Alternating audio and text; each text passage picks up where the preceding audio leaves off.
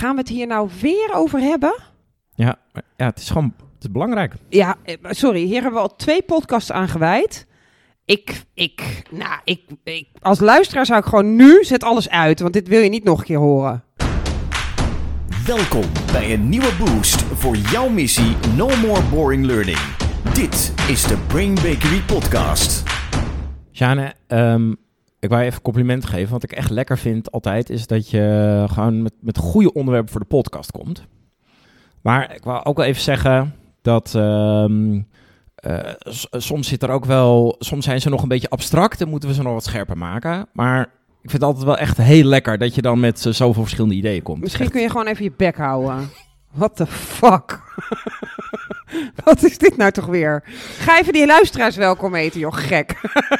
Lieve mensen, heel hartelijk welkom bij een nieuwe aflevering van No More Learning. Sjaan en ik willen het met jullie hebben over echt iets vreselijks. Iets waar ons hart van bloed.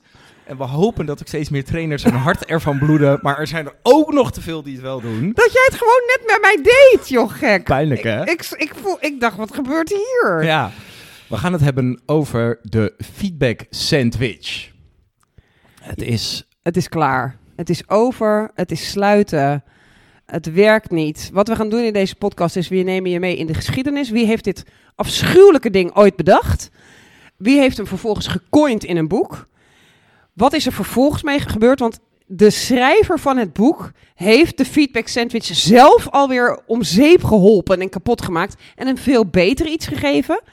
En we hebben allerlei tips waarom het niet werkt en hoe het dan wel moet. Twee stuk zelfs. Wat moet je dan wel doen en, en wat moet je dan ook doen? In plaats van de feedback sandwich. En Ja. voor de mensen die het nog niet doorhebben, de feedback sandwich is: ik geef je een tip en ik geef je een top. De sandwich als het, als het idee. En dan weer een tip. En dan weer een Ja. tip. Ja, precies. Of. Of een top. Ja. De sandwich met een broodje van geluk, dan een vleesje dat een beetje pittig is en dan nog weer een broodje. Het idee daarachter is namelijk, mensen kunnen feedback niet aan, vinden dat heel erg om te horen. Dus wat zij nodig hebben van jou is dat je eerst iets liefs zegt, dat er dan iets slechts, naars of vervelends komt en dan nog weer iets liefs. Want dan ben je namelijk echt lievels manager. Waardoor we volkstammen mensen hebben opgeleid met het idee... Ja, wees maar stil terwijl je het compliment krijgt, want er komt Precies. iets kuts achteraan. Komt er wat achteraan. Brace for impact. Brace, brace. Ja. Ja, en dit komt dus ja. van Mary K. Ash. Oh, we gaan een vrouw de schuld geven. Heel leuk. Ik heb een compliment voor je, joh. Eh, Mary K. Ash, hij heeft een cosmetica bedrijf eh, opgericht Ja, en schreef een boek over people management. Merke Ace heeft een, een, een megalomaan groot, prachtig eh, ja, bedrijf opgericht. Ja, ja heel Ja. goed. En in dat boek schreef zij over people management. Als Ja. manager moet je je kritiek verbergen in twee dikke vette lagen van praise, van waardering. Want als je kritiek geeft, wil je niet het ego van je medewerker bruisen, eh, Kapot maken. Kwetsen. En zo Ja. ontstond er het begin van de feedback sandwich. En wanneer was dit ongeveer? Wanneer schreef zij dit ongeveer op? Dit was in, ik spiek eventjes, in 1984. Ja, en ik denk, even voor alle mensen die ons volgen, als je in de geschiedenis teruggaat, want 1984 is inmiddels, ik kan heel goed hoofdrekenen, Eh, 50 veert- jaar, Bijna 40 jaar bijna 40 jaar geleden. Toen destijds waren we nog helemaal niet gewend om feedback te geven. Was het heel eng voor managers om dat te gaan doen, want het was gewoon je studeerde af en daarna ging je werken en met het werken kwam vervolgens alles goed. Dus daar zat niet een soort stijgende lijn in. Dus in die periode kan ik me dit advies best wel goed voorstellen van deze mevrouw. Zij zat ook in de make-up. Make-up gaat ook over dingen verbergen en mooier maken dan ze zijn. Ja. Dus ik kan hem helemaal plaatsen. Lekker geassocieerd. Ja. ja. Maar goed, toen kwam er een boek. Ja, toen kwam er een boek en dat heeft het, die heeft het echt populair gemaakt, Ja. helaas. En dat was de One Minute Manager Ja. van Blanchard en Johnson. Ja, Maar Blanchard is er het bekendste van. ja. En daar ging het over, nou ja, inderdaad, hoe geef je feedback? En die hebben we hem genoemd. Maar die hebben hem later dus gerecalled, Ja. teruggeroepen. Ja, zij hebben als eerste, dat is even handig voor de luisteraar om te weten, zij hebben als eerste inderdaad opgeschreven van de One Minute Manager werd echt een daverende hit. Een lekker dun boekje met heel simpel, of simpel, eenvoudig. Eh, hoe kun je nou een goede manager zijn? Daar zijn heel veel trainingen op gebaseerd. Heel veel, eh, wereld, het was een soort bijbel, die moest je lezen. Dat was geweldig. En daar zat die sandwich methode in. Ja. En de methode schrijft dan voor, eerst iets liefs, dan iets opbouwends negatiefs en dan weer iets liefs, want anders kan de ander het niet aan. En anders zat er ook als grondgedachte achter, anders durf jij hem als manager niet eens te zeggen.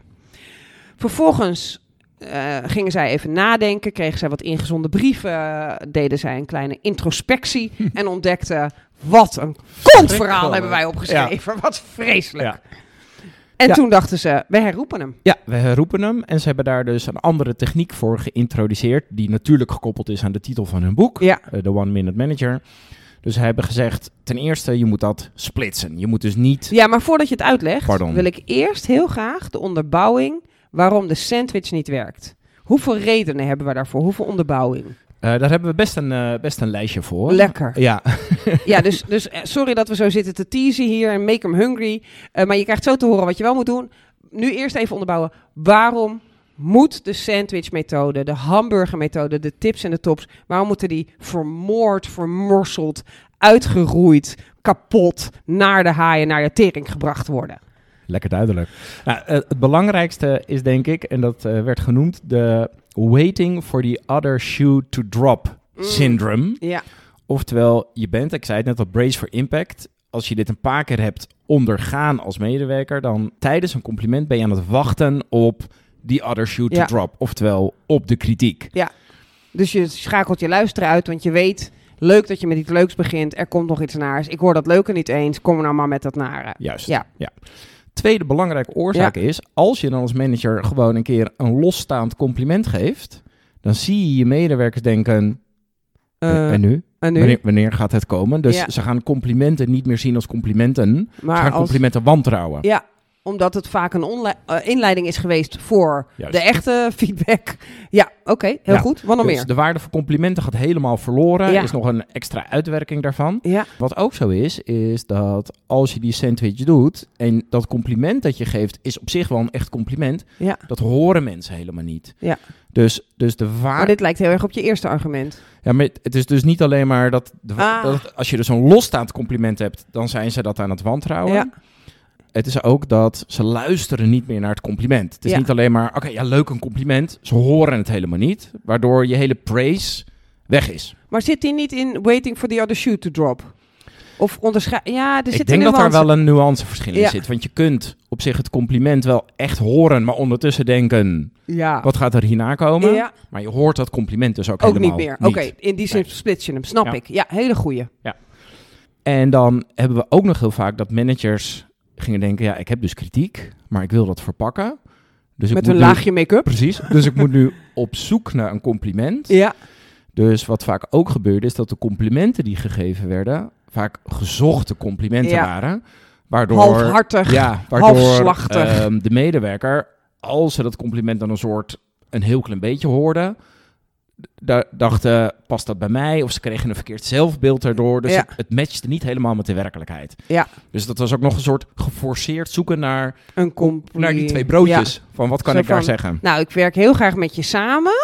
Een soort lekker vaag. Ja. En dan waarschijnlijk heel specifiek in Juist. de kritiek. Waardoor dat eerste ding waar ik al niet naar luisterde, waar ik al wachtte voor de shoot to drop, dacht, wat heb ik hier dan aan? Ja. En ook misschien in de na-evaluatie in je hoofd van, hij zei eerst nog iets leuks, maar Ja, wat dat in dat godsnaam, dat, was zo Ja, vaag, ja. daar ging het kennelijk Ja. niet om. Ja, Ja, en het laatste, en dat heeft ook allemaal weer met elkaar te maken, is dat die eh, complimenten, omdat ze dus soms gezocht werden, waren dus inderdaad zo algemeen dat ze ook heel voorspelbaar werden. Dus dat gaat inderdaad precies wat jij nu zegt, maar we werken wel heel lekker samen. Of je bent Mm. verder wel een hele leuke collega om mee samen te ja werken, hoor. dat soort dingen. Ja, ja, Waardoor je denkt, ja, dat zei je de vorige keer ook al. ja.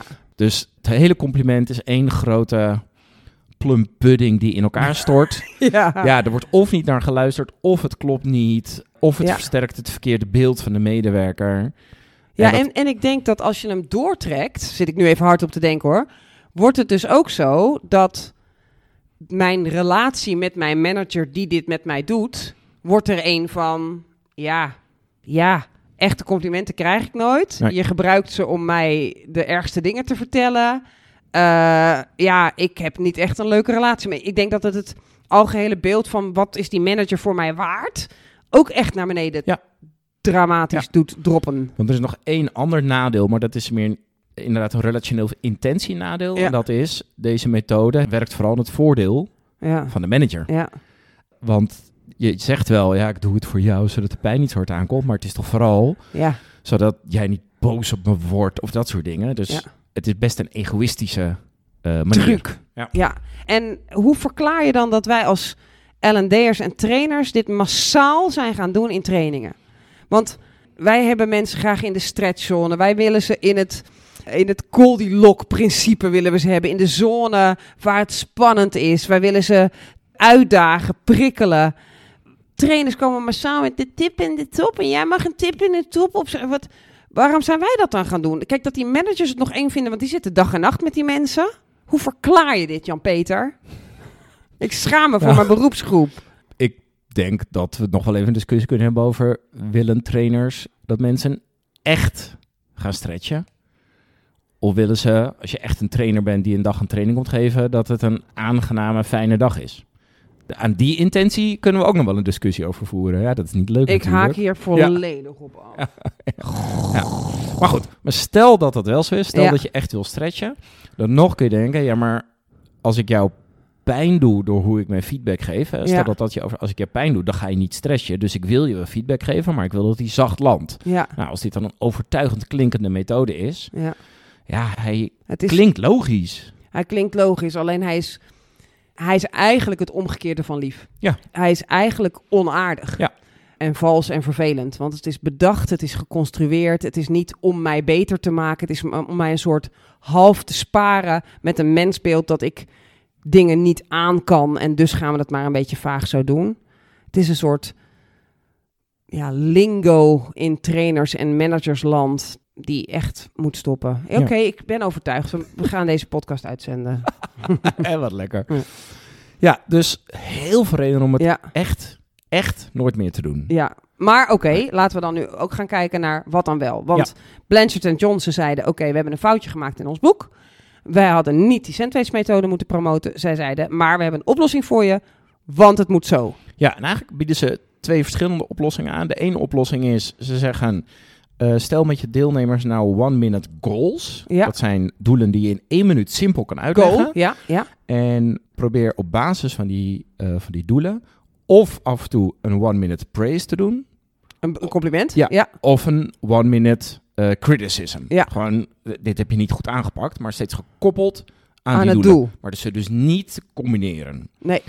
Oké, dus ze zeggen, leuk dat je die sandwich had. Je had daar verschillende componenten in. Die componenten mogen nooit samen. Juist. Dus of ik praat met jou over, hey, wat leuk dat jij dit en dit eh, wilde gaan doen. En dat heb je briljant gedaan, want ik zag je dit en dit en dit doen. Dus ik geef een gericht goed compliment op de effort en, en op je resultaat. Ofwel, ik zeg, hey mop, ik zie dat dit en dit niet helemaal goed ging.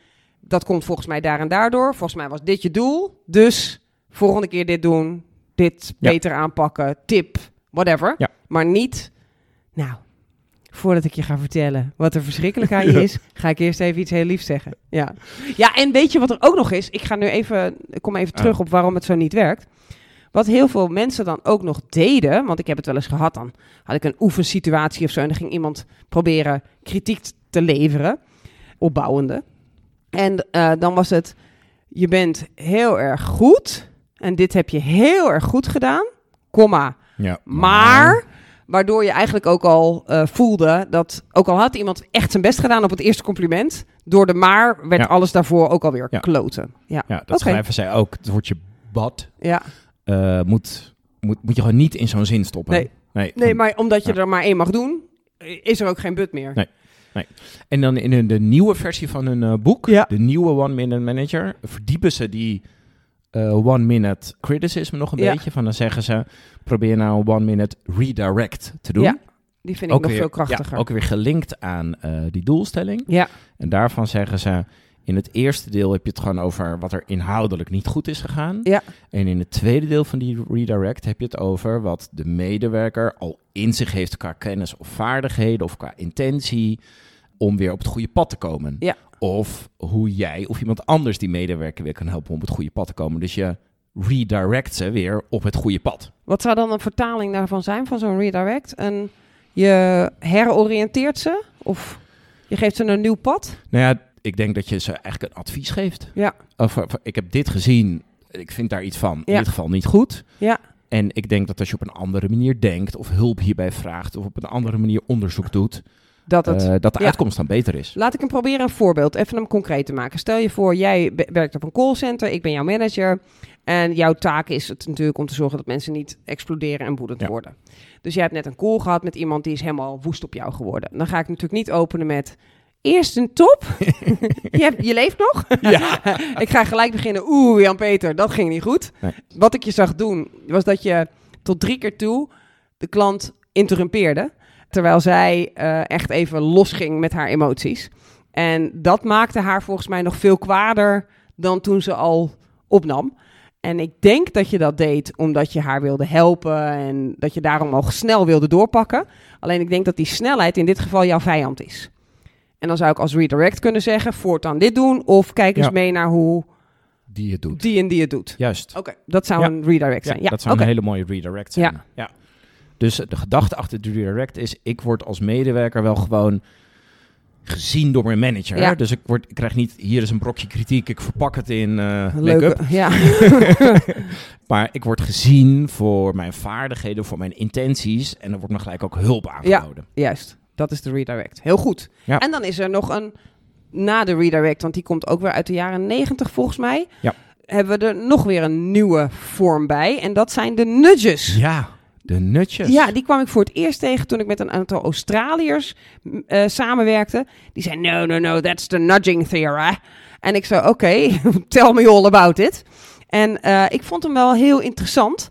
Want wat hij erg leuk doet, is voorkomen dat managers hele grote Ja. preken moeten afsteken. eh, door het heel klein te maken. En in die zin past hij ook wel bij die one-minute manager. Hè. De hele theorie van de one-minute manager is natuurlijk nooit lange gesprekken. Gewoon telkens heel Klein, kort, ja. lekker, maak het klein, maak het praktisch. Lekker met die mensen op de vloer rondlopen en kleine one-minute coachings uitdelen.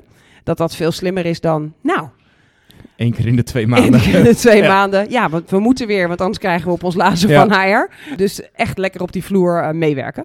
Eh, maar vertel even over de nutjes. Wat heb jij daarover kunnen ontdekken? Ja, nutjes zijn kleine duwtjes. Ja, eh, waarin je mensen. Het, gaat dus, het komt uit gedragswetenschappen.